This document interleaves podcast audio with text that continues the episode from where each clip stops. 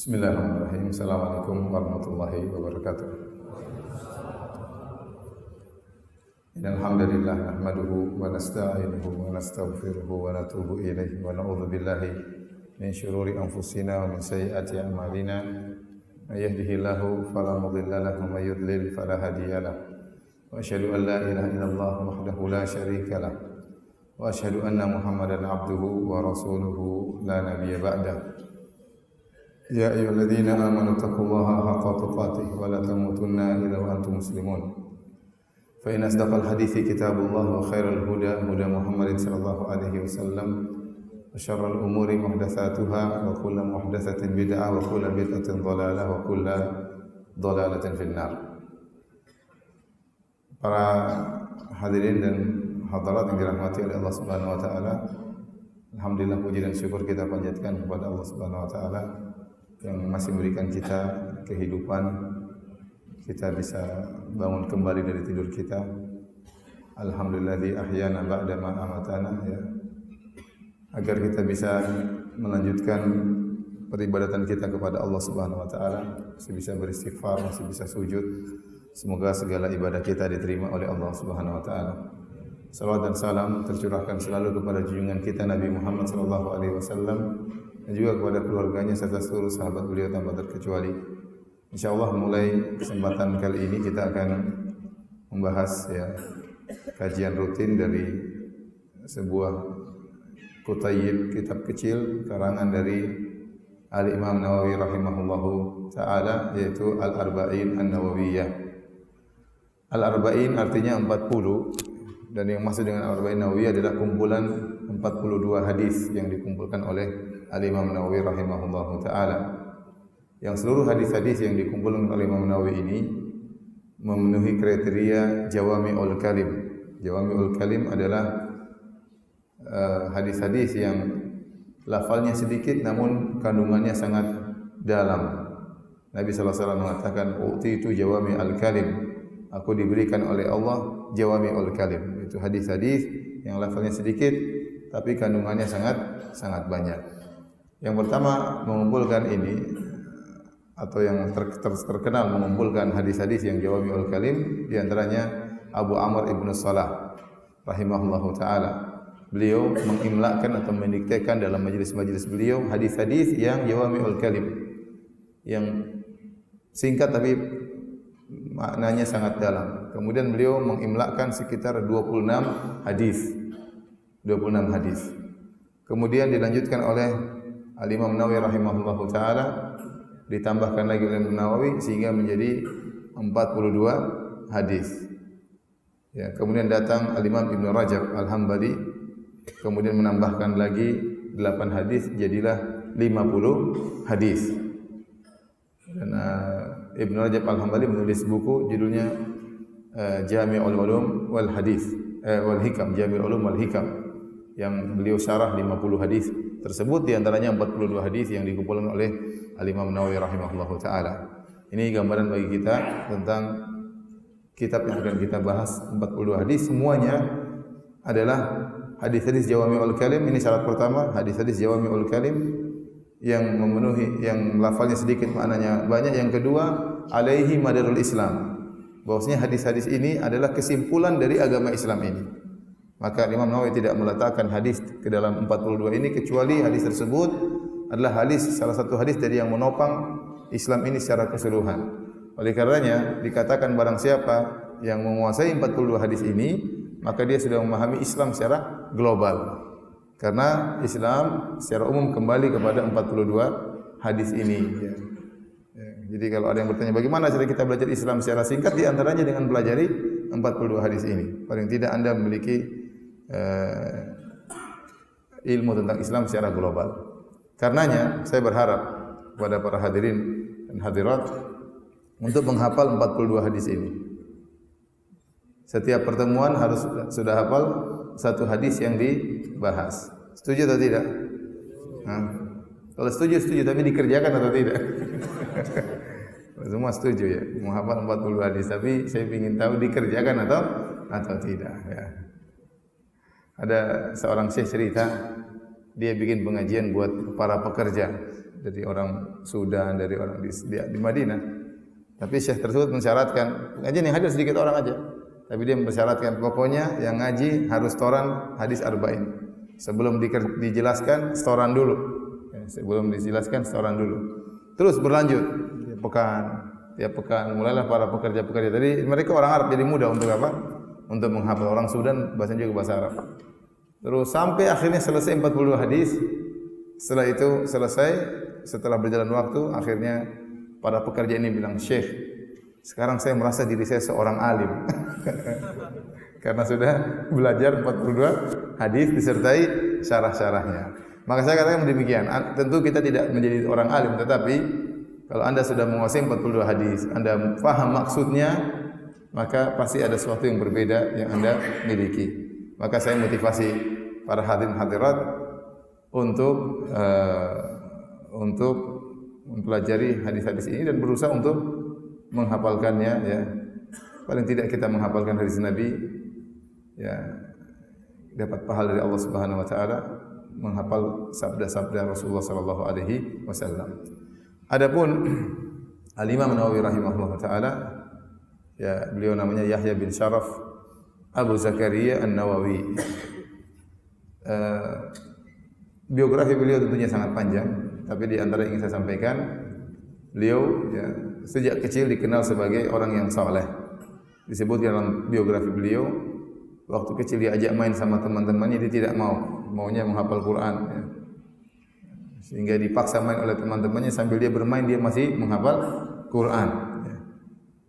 Kemudian belajar dan belajar ya sambil disebutkan pernah dua tahun beliau tidak pernah menyengajakan untuk berbaring selalu tidur dalam kondisi duduk kenapa karena karena belajar dan belajar kemudian disebutkan juga beliau makan cuma sekali dalam sehari.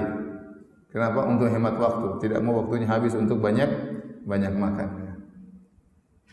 Namun beliau rahimahullah taala meninggal usia masih sangat muda yaitu 45 tahun. Beliau lahir tahun 631 dan wafat pada tahun 676. 676 uh, Hijriyah yaitu pada abad ke-7. Ya, namun meskipun beliau meninggal dalam kondisi muda terlalu banyak ya khazanah ilmiah yang beliau tinggalkan untuk umat Islam. Di antaranya kitab Al-Arba'in An-Nawawiyah ini. Kitab yang sederhana kecil namun dipelajari di mana-mana dan banyak anak-anak kecil menghafalkannya ya. Banyak di masjid-masjid diajarkan kitab ini di antaranya Masjid Al-Falah ya. di Bambu Apus ya. Kemudian juga beliau punya kitab yang terkenal juga namanya Riyadhus Salihin yang juga dibaca setiap pagi di Masjid Al-Falah Bambu Apus dan juga banyak dibaca di masjid-masjid lainnya di mancanegara di Arab Saudi juga sering mereka baca kitab Riyadhus Salihin. Biasanya pada asar. Pada asar dibaca satu dua hadis dengan cara singkat.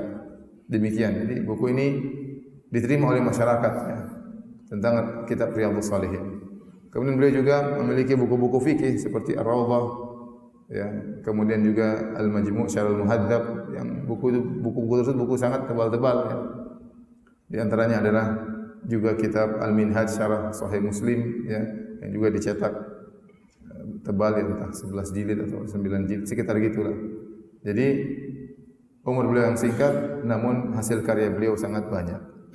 Ini menunjukkan bahwasanya yang jadi patokan di sisi Allah bukanlah panjangnya umur tetapi apakah umur tersebut berkah atau atau tidak? Lihatlah Sa'ad bin Mu'adz radhiyallahu ta'anhu radhiyallahu ta'anhu yang beliau meninggal mungkin usia 38 tahun 37 tahun sekitar itu. Dan beliau hanya merasakan Islam mungkin cuma eh, 8 tahun atau 7 tahun. Islam beliau cuma tujuh atau delapan tahun saat bin Mu'adz radhiyallahu anhu tetapi waktu beliau meninggal ihtazza arsyur rahman. Ars Allah bergetar limauti saat karena meninggalnya saat bin Mu'adz. Padahal Islam beliau cuma berapa tahun? Delapan tahunan tujuh tahunan. Ya. Ini menunjukkan bahwasanya dipatokan adalah berkahnya waktu seorang hamba. Imam Nawawi meninggal usia 45 tahun tetapi karyanya tidak selesai untuk kita bahas, kita baca ya. Ya, karena begitu dalam ilmu yang beliau tinggalkan buat umat Islam. Uh, hadirin hadirat yang rahmatillah subhanahu wa ta'ala Maka pada kesempatan kali ini kita akan membahas uh, hadis-hadis yang disampaikan oleh Imam Nawawi rahimahullahu taala. Dan pada kesempatan pagi ini kita akan menyampaikan hadis yang nomor satu yaitu hadis an-niyyah. Ya hadis an-niyyah uh, hadis tersebut diriwayatkan oleh Al-Imam Al-Bukhari dan merupakan hadis pertama dalam sahih Al-Bukhari dan juga diriwayatkan oleh Imam Muslim dalam sahihnya. Saya bacakan hadisnya An Amiril Mukminin Abi Hafs Umar bin Khattab radhiyallahu taala anhu. Dari Amirul Mukminin Umar bin Khattab radhiyallahu anhu kunyah beliau adalah Abu Hafs. Qala sami'tu Rasulullah sallallahu alaihi wasallam yaqul, aku mendengar Rasulullah sallallahu bersabda, "Innamal a'malu binniyat." Sungguhnya amalan tergantung niat. Wa innamal likulli imri'in ma nawa. Dan masing-masing itu tergantung apa yang niat dia niatkan. Faman kanat hijratu ila Allah wa rasulih. Barang siapa hijrahnya karena Allah dan Rasulnya, fa hijratu ila Allah wa rasulih. Maka hijrahnya karena Allah dan Rasulnya. Faman kanat hijratuhu lid dunya yusibuha. Barang siapa yang hijrahnya karena dunia yang ingin dia raih, aw imra'at aw imra'atun aw imra'atin yang kihuha atau karena seorang wanita yang ingin dia nikahi, fa hijratu ila ma hajara ilaihi maka hijrahnya itu sesuai dengan apa yang dia niatkan. Rawahu Imam al-Muhaddithin. Hadis ini diriwayatkan oleh dua imamnya para ahlu hadis. Imamnya para ahlu hadis yaitu Abu Abdullah Muhammad bin Ismail bin Ibrahim bin Al-Mughirah bin Bardizbah Al-Bukhari dan yang satunya wa Abu Husain Muslim bin Al-Hajjaj bin Muslim Al-Qushairi An-Naisaburi radhiyallahu anhuma fi sahihaihima alladaini huma asahul kutub al-musannafah. Maka di sini diriwayatkan oleh uh, Al Imam Al Bukhari dan Imam Muslim kitab sahih mereka berdua. Taib. Ikhwan dan akhwat yang dirahmati Allah Subhanahu wa taala, maka pada kesempatan kali ini kita akan membahas secara singkat tentang kandungan dari hadis ini itu hadis innamal a'malu binniyat.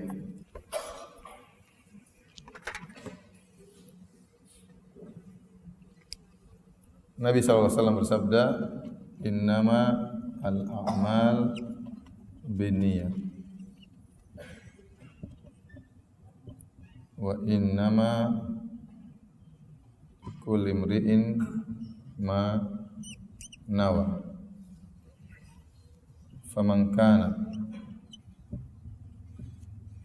hijratuhu ila Allah wa rasulihi ila Allah ورسوله فهجرته إلى الله ورسوله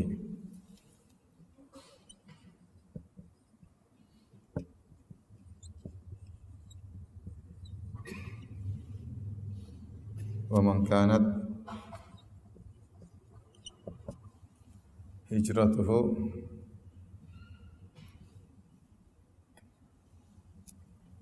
dan seterusnya hijratuhu lid dunya sibuha aw mir'atin yakiha fa hijratu ila ma hajara ilaih kata Nabi sallallahu alaihi wasallam sungguhnya antum bisa baca kan ya. ini gundul enggak usah saya gondrongin ya innamal a'malu binniyat sungguhnya amalan tergantung daripada niat wa innamal likulli imrin ma nawa dan sungguhnya masing-masing orang tergantung apa yang dia niatkan Barang siapa hijrahnya kepada Rasulnya, maka hijrahnya kepada Rasulnya. Barang siapa hijrahnya kepada dunia atau wanita yang tidak dia nikahi, maka hijrahnya sesuai dengan maka hijrahnya sesuai dengan apa yang dia kehendaki. Taib innama ya dalam bahasa Arab artinya hanyalah. Innama artinya hanyalah. Hanyalah amalan-amalan dengan niat. Amalan di sini jamak plural jamak kata jamak al-a'mal kemudian ada alif lam mim sehingga mencakup seluruh amal. Bahkan kata para ulama amal di sini ya amal di sini ya mencakup uh, perbuatan kemudian perkataan umum ya. Bahkan pikiran. Ini termasuk juga amal ya.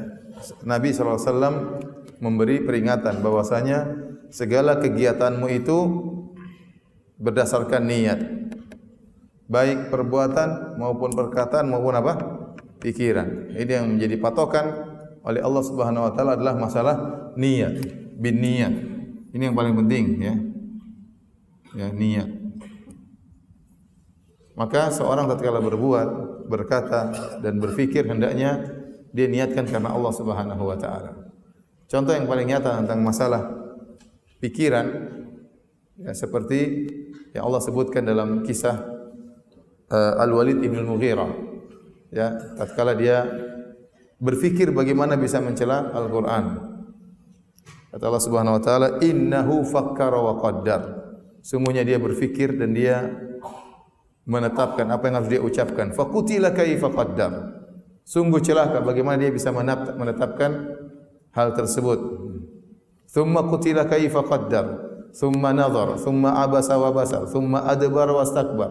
Faqala in hadha illa sihru yu'thar.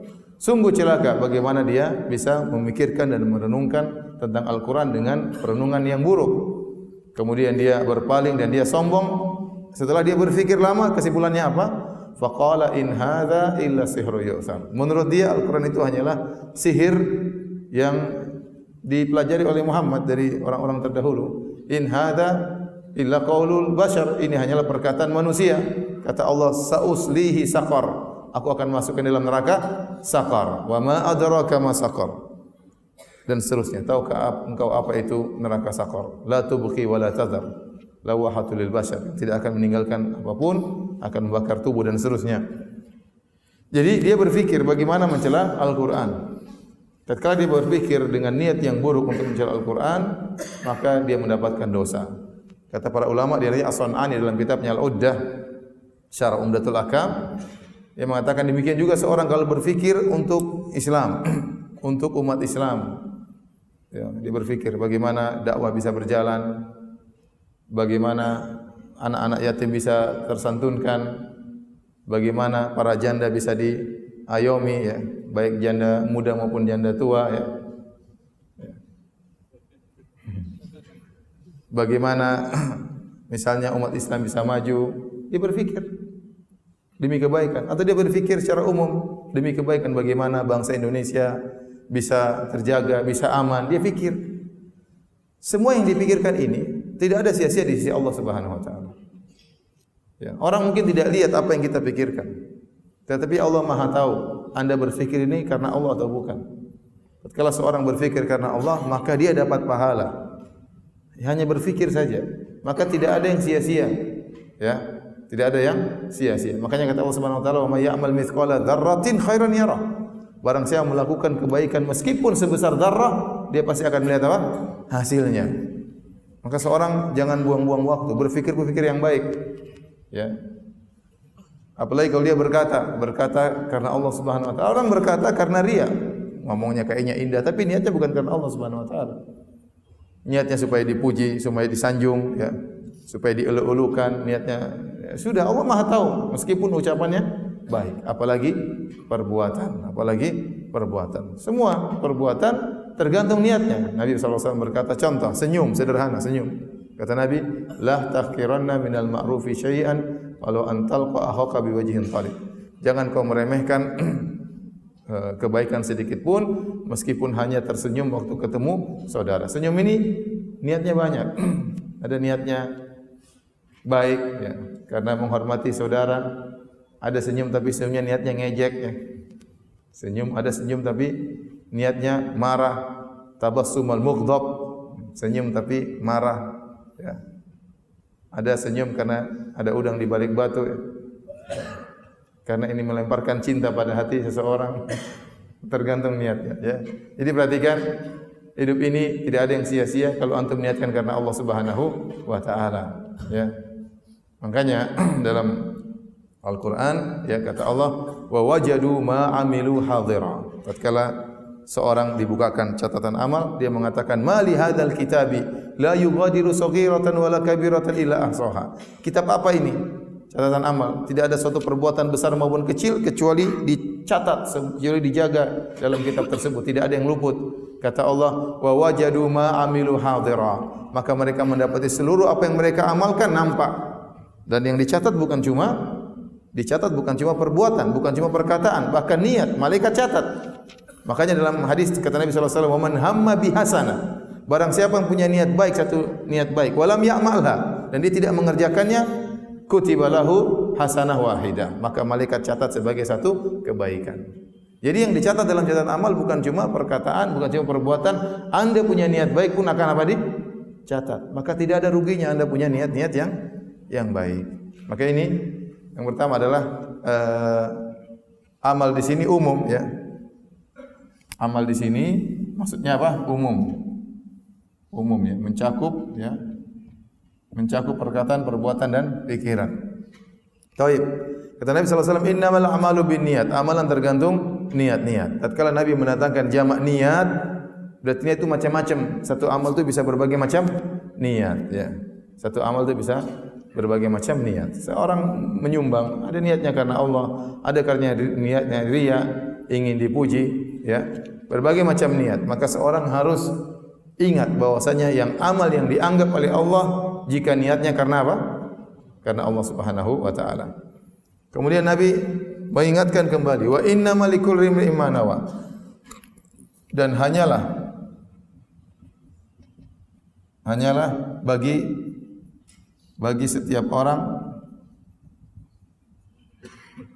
apa yang dia niatkan, apa yang diniat dia niatkan. Ya. Manawa. Jadi apa yang dia niatkan. Maka seorang akan diberi ganjaran oleh Allah sesuai dengan kadar niatnya. Sesuai dengan kadar niatnya. Ada orang beramal soleh, niatnya murni karena Allah. Ada orang bersama soleh, niatnya karena Allah dan karena dunia. Tergantung. Ya. Contoh seorang berjihad di jalan Allah niatnya murni karena Allah. Contoh seorang berniat berjihad di jalan Allah ternyata niatnya untuk mengambil ghanimah, ya.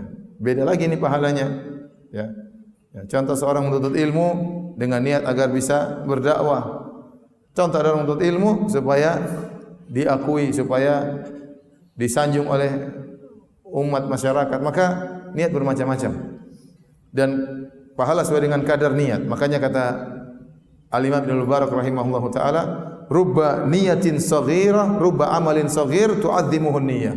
Betapa banyak amalan yang kecil jadi besar karena niat yang luar biasa, niat yang ikhlas luar biasa. Semakin tinggi niatnya, semakin tinggi kadar pahalanya. Walubba amalin kabir dan betapa banyak amal besar tusaghiruhu niyah. Jadi kecil karena niat. Amal itu besar tapi jadi kecil nilainya si Allah kenapa niatnya enggak enggak beres ya. Niat itu sangat pengaruh.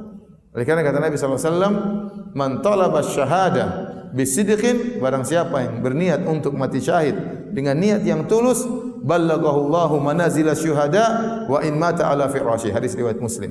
Barang siapa yang berniat untuk bisa meninggal dalam kondisi syahid, ya dengan tulus niatnya maka Allah akan sampaikan dia kepada derajat orang-orang yang mati syahid meskipun dia meninggal di atas tempat tidurnya.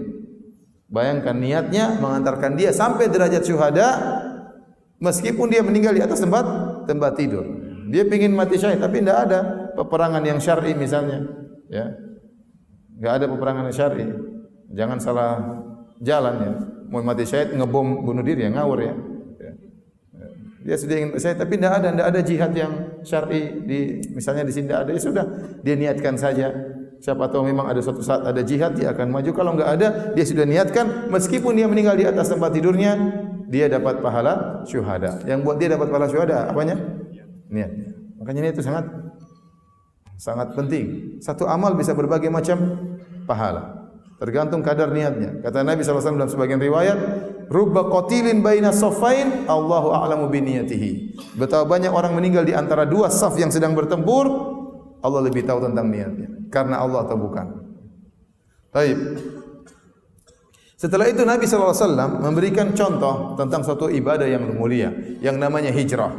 Faman kana hijratu ila Allah wa Rasul. Barang siapa berhijrah karena Allah dan Rasulnya, fa hijrat ila wa Rasul. Maka hijrahnya karena Allah dan Rasulnya. Faman kana hijratu li dunya yusibuha aw imra'atin yankihuha fa hijratu ila ma hajara ilaihi. Barang siapa yang hijrahnya karena dunia atau karena wanita, maka bagi dia apa yang dia niatkan. Hijrah ya, adalah ibadah yang sangat mulia Makanya dijadikan contoh oleh Nabi sallallahu alaihi wasallam. Ya. Bahkan dalam Al-Qur'an disebutkan hijrah banyak, bahkan hijrah disebutkan terkadang sebelum jihad. Ya. ya. Walladzina amanu wa hajaru wa jahadu dan orang-orang ber, beriman, berhijrah dan berjihad. Ini dalam Al-Qur'an banyak ayat seperti ini. Makanya Nabi sallallahu alaihi wasallam mengatakan Al ibadatu fil haji ka hijratin ilayya. Barang siapa yang beribadah di musim fitnah, maka seperti berhijrah kepadaku, ya. Rasulullah motivasi orang untuk sibuk beribadah, jangan terlalu ngurusin fitnah karena pahalanya seperti berhijrah kepada Nabi sallallahu alaihi wasallam ya. Intinya ya banyak uh, keutamaan tentang hijrah. Dan hijrah adalah berpindahnya seorang hijrah itu ada dua. Kata Al-Hafidh Muhajir rahimahullah ta'ala Hijrah di zaman Nabi ada dua dan ada yang lebih umum lagi yang yang yang eh. Hijrah artinya atark ya, artinya adalah atark meninggalkan. Ini adalah pertama adalah hijrah meninggalkan tempat ke tempat yang lain.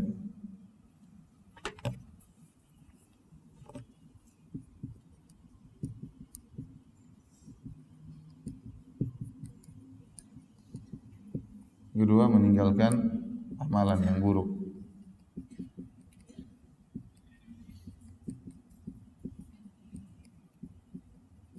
menuju amal soleh.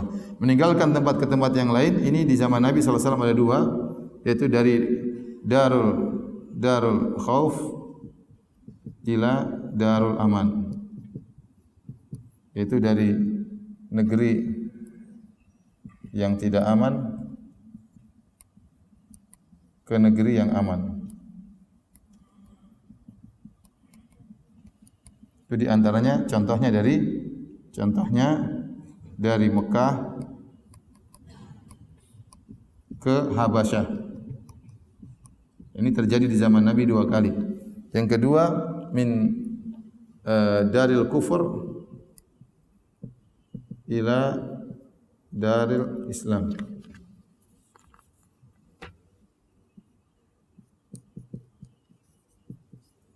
Dari negeri kafir negeri kafir ke negeri Islam.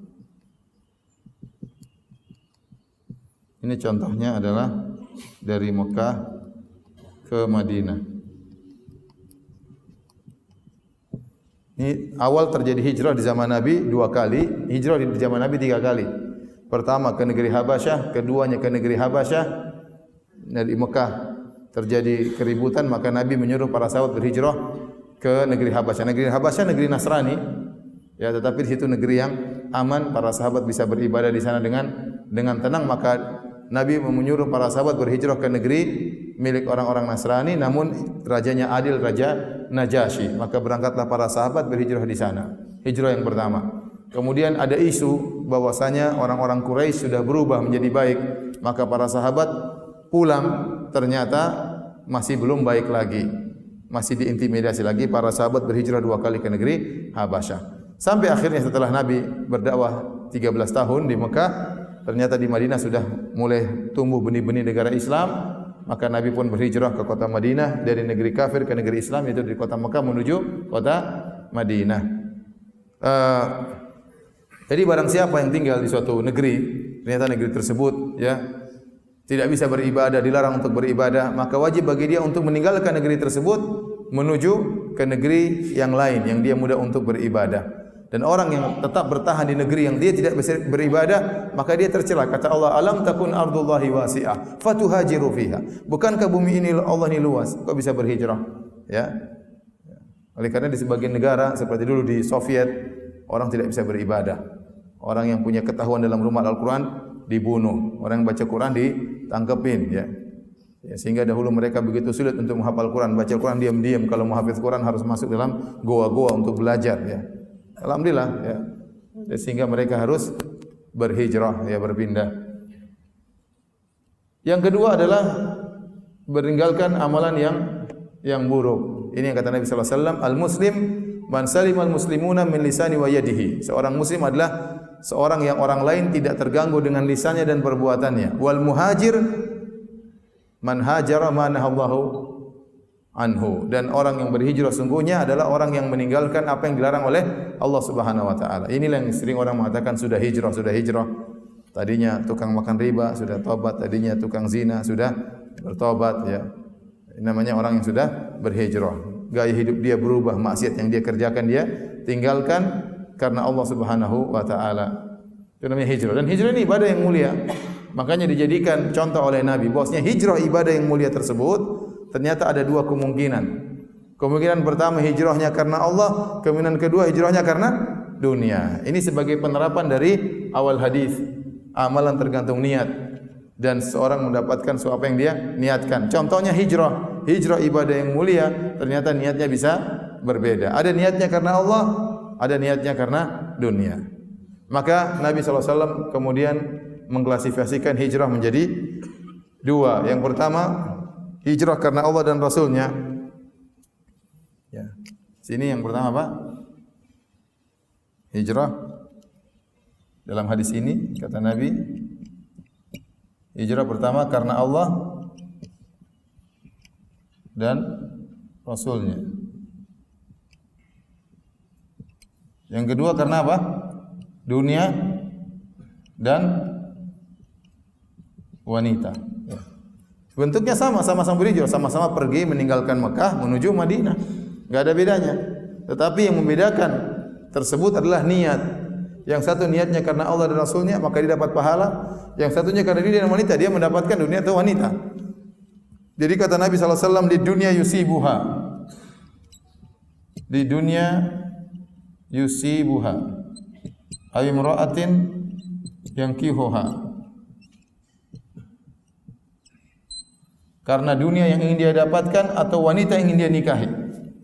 Dunia diambil dari kalimat dunu. Dunu artinya korib, dekat. Artinya apa? Dunia itu sebentar. Ya, dunia itu cuma sebentar. Maka disebut dengan dunia karena dari kalimat adunu yang artinya dekat. Karena orang tinggal dunia tidak akan lama. 60, 70, 80 dipanggil oleh Allah Subhanahu wa taala ya. Ya, tidak akan lama tinggal dunia. Yang kedua kata Nabi atau wanita yang dia nikahi. Ya, Nabi menyebutkan wanita secara khusus setelah dunia. Penyebutan wanita secara khusus secara dunia menunjukkan fitnah wanita luar biasa. Makanya Nabi mengatakan, "Fattaqud dunya wattaqun nisa." Takutlah kalian hatilah terhadap dunia dan hatilah terhadap wa wanita. Padahal wanita ter, termasuk bagian daripada dunia, tapi wanita disebutkan secara khusus karena wanita ini bisa menimbulkan fitnah yang banyak bagi para lelaki. Betapa banyak lelaki hancur gara-gara terfitnah dengan wanita. Terjerumus dalam hal yang diharamkan oleh Allah Subhanahu wa taala. Kata Nabi sallallahu alaihi wasallam innal mar'ata auratun. Dalam dalam sunan Tirmizi wanita itu aurat. Fa idza kharajat kalau wanita keluar istasrafa syaitan. Diintai oleh syaitan. Syaitan begini kalau wanita keluar. Kenapa siap untuk dihiasi sehingga dipandang semakin menawan di pandangan para lelaki ya sehingga terjadi berbagai macam penyimpangan ya sosial gara-gara terlalu banyak wanita keluar tidak pakai aturan ya. Taib ini secara umum pembahasan tentang hadis innamal amalu bin niat. Sudah dicatat? Ya. Kalau belum dicatat di foto ya. Sekarang orang zaman now tidak perlu catat apa di foto dulu. Nanti catat di rumah. Karena saya mau lanjut lagi di sini, saya mau hapus. Ya. Ustadznya ustadz zaman now, muridnya murid zaman.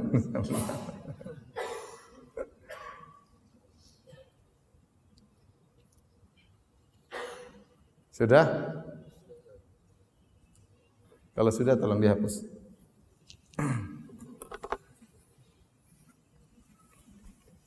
Tunggu tunggu sebentar mungkin. Sudah, sudah ya? Belum, sudah sudah terlanjur dihapus. Nanti disaring sama yang lain sudah hapus ya. Nanti dikirim sama yang lain.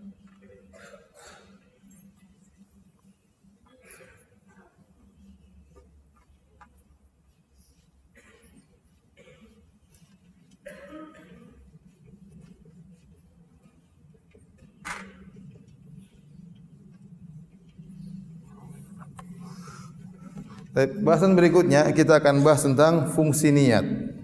Fungsi niat dalam Islam.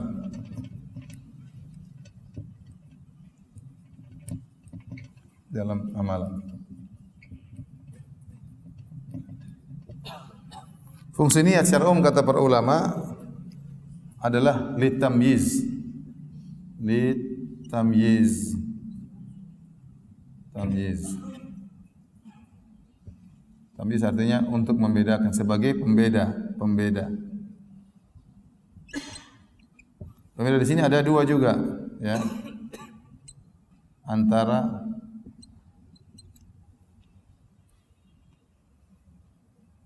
amalan dengan amal yang lain, antara amal dengan amal yang lain. Ini bisa terbagi juga menjadi dua, ya. antara ibadat yang satu satu dengan yang lainnya.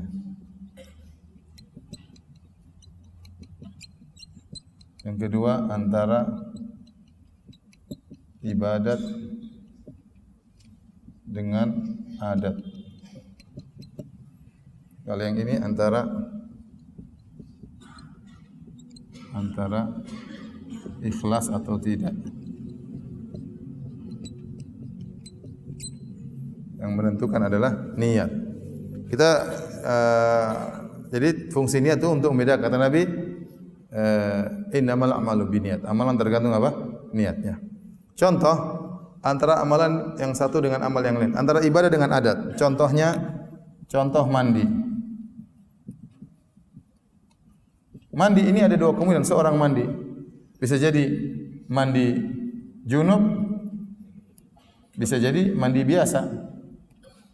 Tergantung niatnya. Kalau orang mandi dengan mandi biasa saja, tanpa niat mandi junub, maka hadasnya tidak terangkat.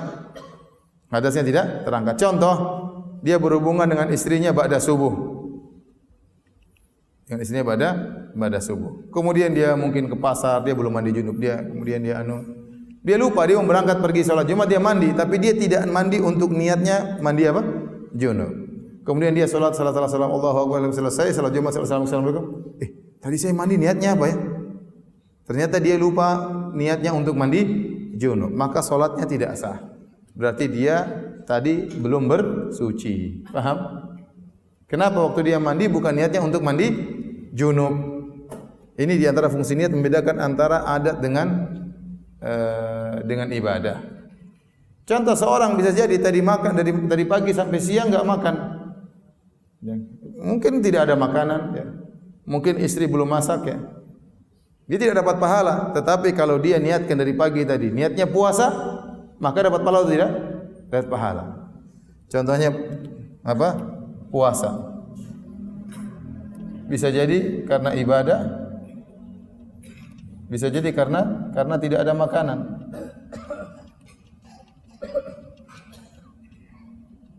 Ada orang tidak makan sampai siang. Tapi niatnya bukan karena apa? Puasa. Ya, kebetulan enggak dapat makan aja ya. Sehingga dia tidak dapat pahala. Tapi kalau sejak pagi diniati karena puasa, pahala terus mengalir. Argo pahala jalan. Ini contoh antara ibadat dengan adat. Sekarang bahasan antara adat ibadah satu dengan ibadah yang lain. Contohnya antara contoh ya. Pertama antara wajib dan sunnah. Contoh seorang masuk masjid, ya, solat duhur dengan qobliyah duhur.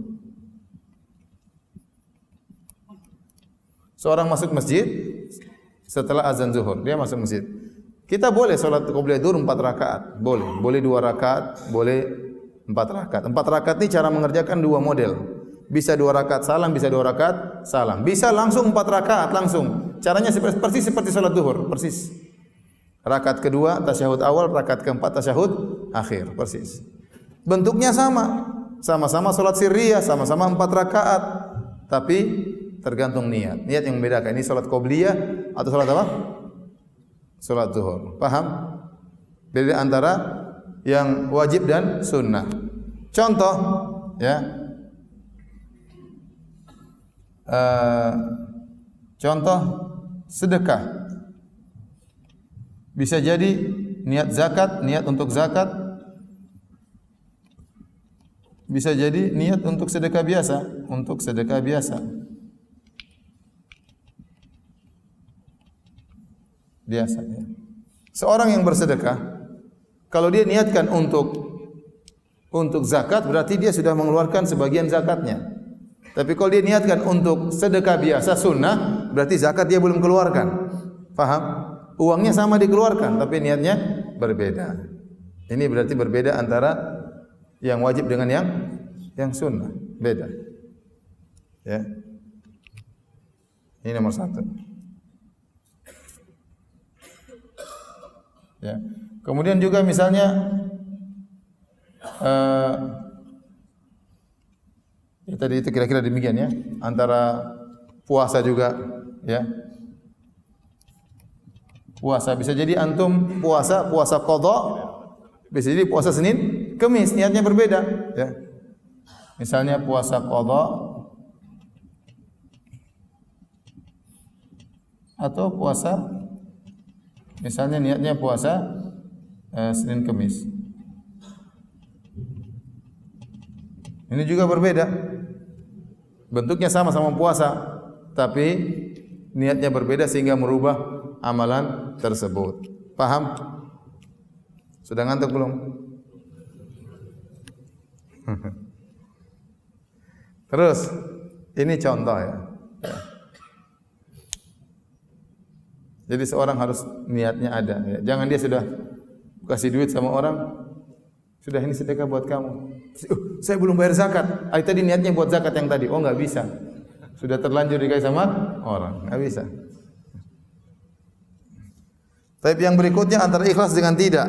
Ini berarti al-ma'mul lahu al-maqsud bihi yaitu apakah untuk Allah atau untuk selain Allah. Itu untuk Allah atau selain Allah. Ikhlas atau riya.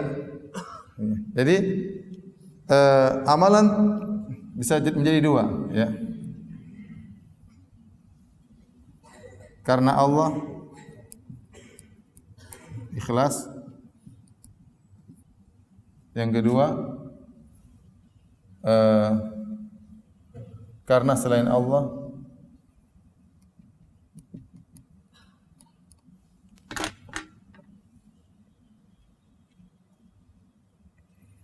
Karena selain Allah ini juga terbagi menjadi dua. Karena dunia karena untuk menyerahi pujian. Dalam kurung riya dan sum'ah. Ingin dilihat atau ingin didengar. Ya. Kalau karena Allah ikhlas, ya alhamdulillah maka ini yang diharapkan ini yang diharapkan berpahala di sisi Allah Subhanahu wa taala. Karena selain Allah ada dua model. Kalau karena dunia maka dilihat ya. Bisa jadi dunia niat dunia yang mendominasi. Yang mendominasi.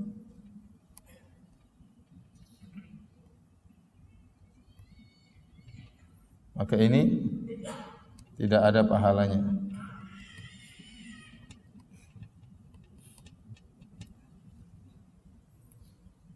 Kemudian yang kedua ya niat akhirat yang mendominasi.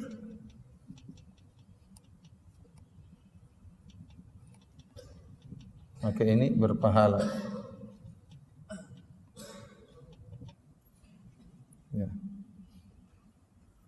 Kalau ini sama, sama-sama kuat, maka wallahu alam.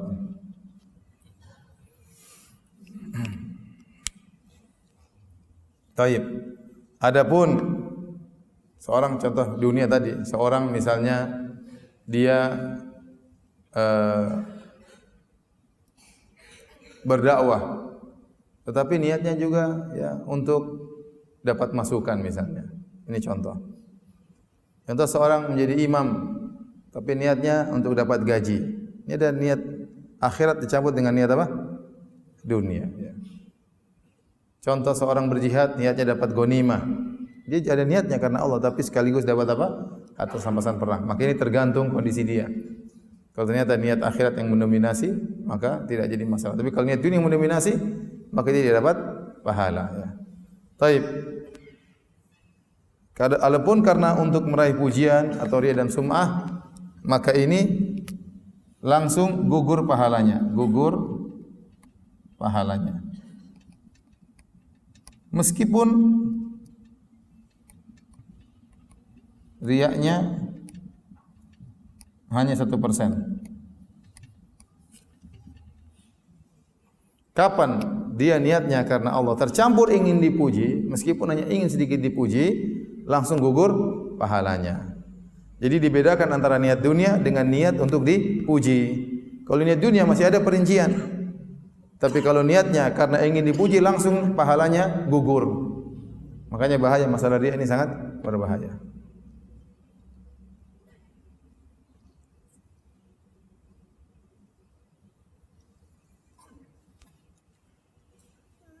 Kalau sudah dihapus ya. Sudah difoto maksudnya hapus. Tunggu dulu sebentar.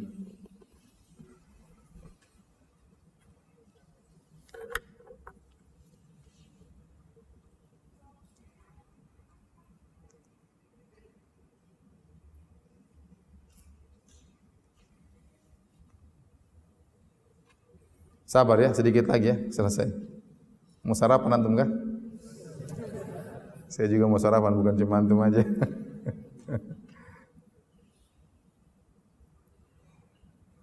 Kalau sudah tolong dihapus, dihapus, hapus. Eh, yang terakhir kita bahas ya, biar antum semangat. Yang terakhir kita bahas. Hukum amal soleh tercampur riak. Ya maka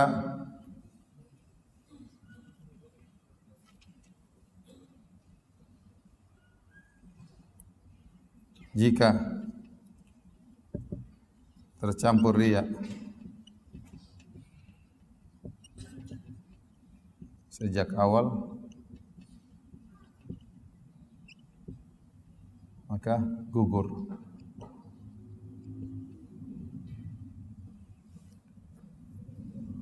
jika tercampur riak di tengah-tengah. Jika riaknya muncul belakangan. Setelah selesai beramal.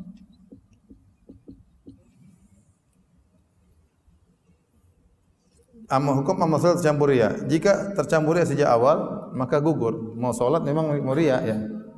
Ya, mau dakwah ternyata memang mau mau ria ya. Mau haji terkadang memang mau ria, ingin pamer.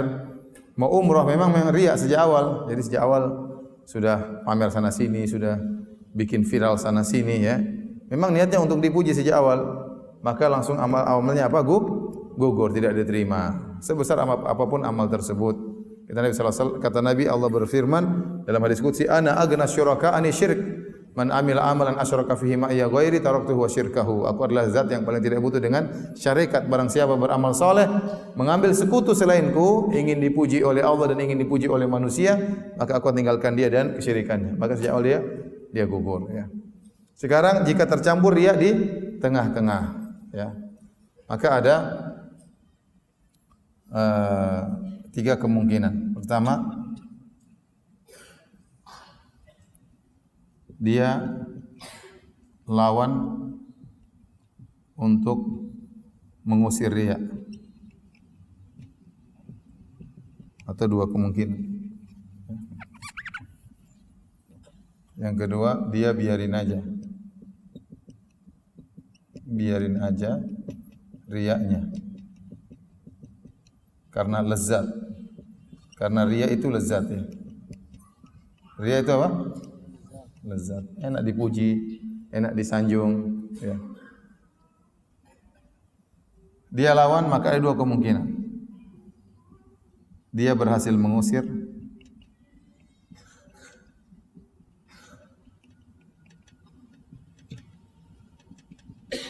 Yang kedua, dia tidak berhasil. Taib.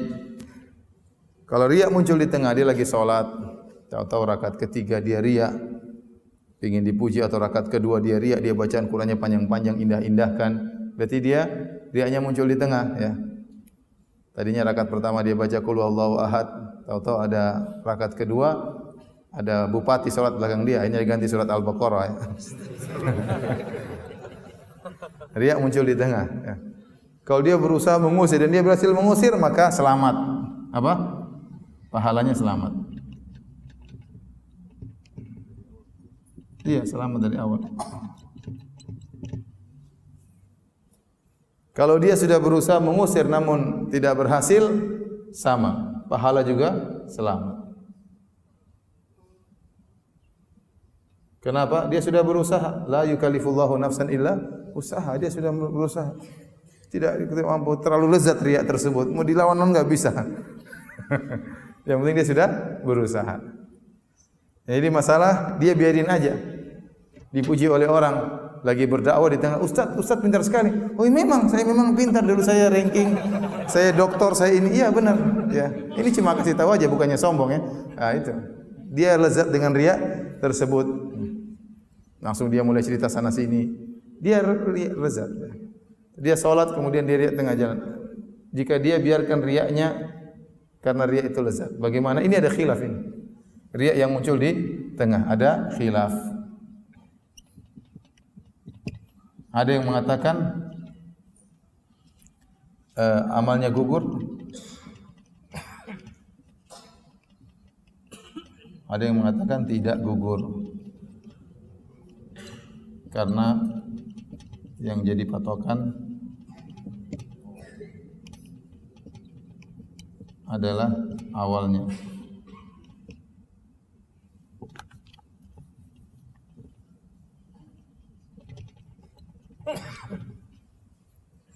Kalau alam bisawab, mudah-mudahan pendapat ini yang lebih kuat ya. Yang penting apa? Awalnya apa? Ikhlas. Tapi secara kaedah kurang kuat. Lebih kuat amalnya apa? Gugur. Betapa banyak orang ikhlas di awal, di tengah dia berubah. Tak banyak orang seperti itu. Itu yang menunjukkan kita harus senantiasa merubah niat kita. Ya. Harus memperhatikan niat kita, jaga niat kita. Baik, jika riak muncul belakangan setelah selesai beramal, ya maka ada khilaf juga.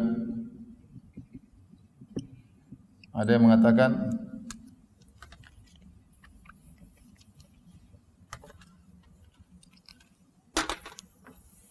ada khilaf ya.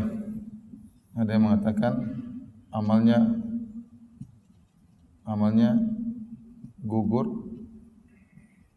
Ini pendapat Ibnu Qayyim. Ada yang mengatakan amalnya tidak gugur.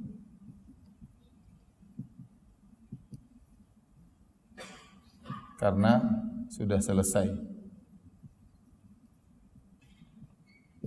riaknya riak yang muncul belakangan yang muncul belakangan itu dosa tersendiri, dosa tersendiri tidak ada kaitannya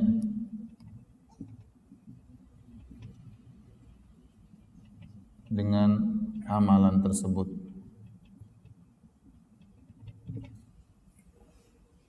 Jadi kalau ria seorang berdakwah ikhlas, terus dua tahun kemudian cerita, oh saya pernah berdakwah di Papua, oh saya pernah berdakwah dia pamer, ya. dia pamer, pamernya belakangan tapi. Nah apakah pahala dia berdakwah dulu gugur gara-gara ria dua tahun setelahnya? Ada orang umrah atau haji, sama dia ikhlas waktu haji, nangis ingin dia berdosa, tapi setelah itu cerita, oh saya sudah haji dua kali, Oh, saya haji saya tiap tahun. Alhamdulillah saya diberi kemudahan untuk haji. Alhamdulillah tapi riak ya. Maka dia riaknya dua tahun berikutnya. Nah, apakah haji dan umrahnya masih diterima? Maka ada khilaf. Menurut Ibnu Qayyim, apa yang dia riakkan semuanya gugur. Karena riak bisa membatalkan apa? Pahala. Ya. Adapun sebagian ulama mengatakan tidak. Dia riak itu dosa tersendiri amal yang lalu sudah lewat, riaknya dosa tersendiri. Saya lebih condong pada pendapat ini. Bahwasanya kalau dia riak belakangan itu dosa tersendiri, tidak ada kaitannya dengan amal yang sudah lewat. Faham? Faham tidak? Sudah lapar kah? Tayyib, ini sekarang jadi pertanyaan lagi. Jika riak muncul sejak awal, setelah itu setelah itu dia bertobat. Contoh nyumbang satu miliar buat masjid supaya dipuji. Setelah ngaji, ikut pengajian, dia taubat. Pahalanya gimana? Waduh, ternyata saya dulu nyumbang satu miliar karena ingin dipuji. Waduh, sekarang saya tobat, saya baru ikut pengajian. Ya Allah, kembalikanlah pahala satu miliarku. Udah terlanjur ria, gimana? Dia ingat betul waktu dia nyumbang satu miliar itu ingin ria, makanya dia share, dia sebutkan, dia foto-foto, dia pajang sana sini, ya tulis mungkin masjid namanya, ya masjid Firanda misalnya. Ya. Semua orang biar orang tahu ini saya yang bangun. Memang dia ria, memang dia dia tahu dia ria. Setelah itu dia sadar belakangan lah. Bagaimana nasib pahalanya ini? Bagaimana nasibnya? Maka ini ada khilaf. Yang pertama ya sudah selesai. Hilang. Hilang pahalanya. karena amalnya amalnya bukan amal soleh. Dan ini pendapat Ibnul Qayyim. Ibnul Qayyim kenceng masalah gini-gini. Rahimahullahu taala. Pendapat yang kedua, ya. Kalau taubat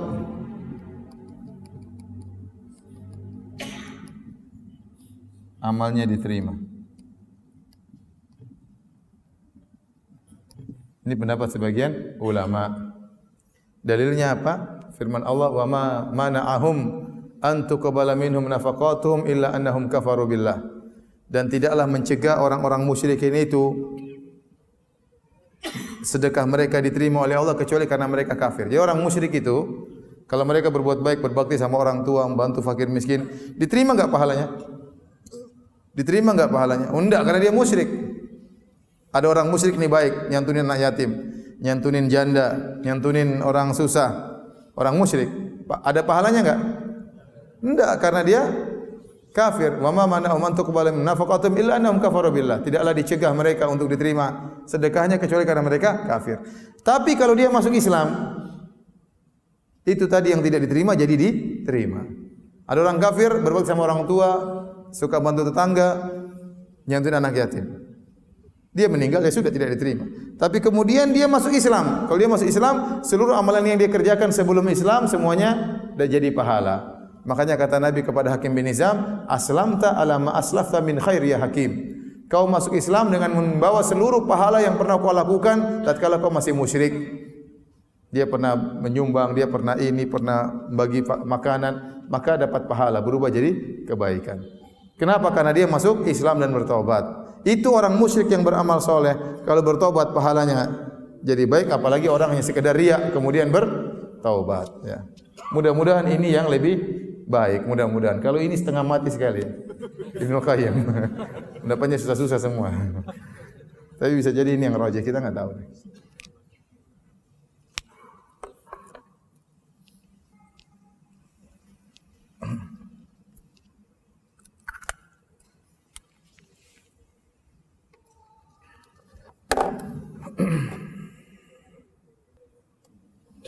Taib.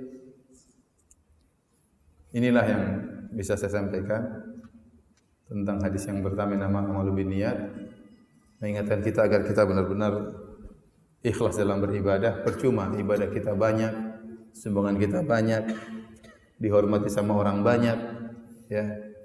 Waktu banyak terbuang tapi ternyata kita tidak ikhlas.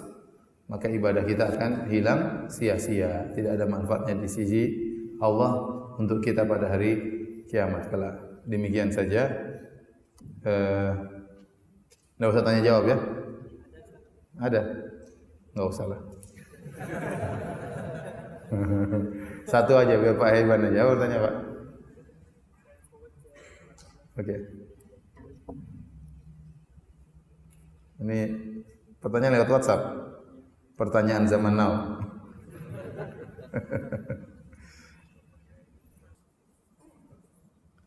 Ini ada pertanyaan. Apakah harus melafalkan niat ketika akan solat, puasa dan wudhu? Uh, ini ada dua pendapat secara umum. Jumhur ulama berpendapat tidak perlu melafalkan niat. Sebagian ulama syafi'iyah, ulama syafi'iyah juga berselisih. Ada yang mengatakan tidak perlu niat, tidak perlu melafalkan niat. Semua sepakat harus berniat. Masalah khilafnya tentang melafalkan itu perlu atau atau tidak. Maka mayoritas ulama mengatakan tidak perlu. Sebagian ulama Syafi'i atau mutaakhirin mereka mengatakan yustahab dianjurkan untuk melafalkan niat ya untuk apa? Untuk mengkokohkan niat sebelum dia beribadah ya. Oleh karenanya tatkala dia salat zuhur dia mengatakan usolli fardhu dhuhri arba rakaatin mustaqbil kiblati adaan makmuman lillahi taala ya. Dia sebutkan lafal niat tersebut. Ya, niat tujuannya apa? Agar dia kokoh niatnya sebelum dia sholat. Ini pendapat sebagai ulama syafi'i ya, yang belakangan. Tapi pendapat yang lebih benar adalah tidak perlu melafalkan niat. Kenapa? Karena kata Nabi wa khairul huda huda Muhammadin sallallahu alaihi wasallam. Sebaik-baik petunjuk adalah petunjuk Nabi sallallahu alaihi wasallam. Sebaik-baik cara salat adalah cara salatnya Nabi sallallahu alaihi wasallam. Dan Nabi salat begitu banyak salat tidak diriwayatkan sekalipun Nabi pernah melafalkan niat dan para sahabat ribuan sahabat mereka solat tidak pernah diriwayatkan mereka melafalkan niat tidak ada nabi melafalkan niat jangankan dalam hadis yang sahih dalam hadis yang dhaif pun tidak ada jangankan dalam hadis yang dhaif hadis palsu pun tidak ada nabi pernah melafalkan niat maka yang sebaik-baiknya kita mengikuti tata cara salat Nabi SAW. Namun kalau ada saudara kita yang melafalkan niat, kita katakan dia mengikuti pendapat sebagian ulama. Ya. Namun saya ingatkan bagi saudara-saudara kita dari madhab syafi'iyah yang melafalkan niat.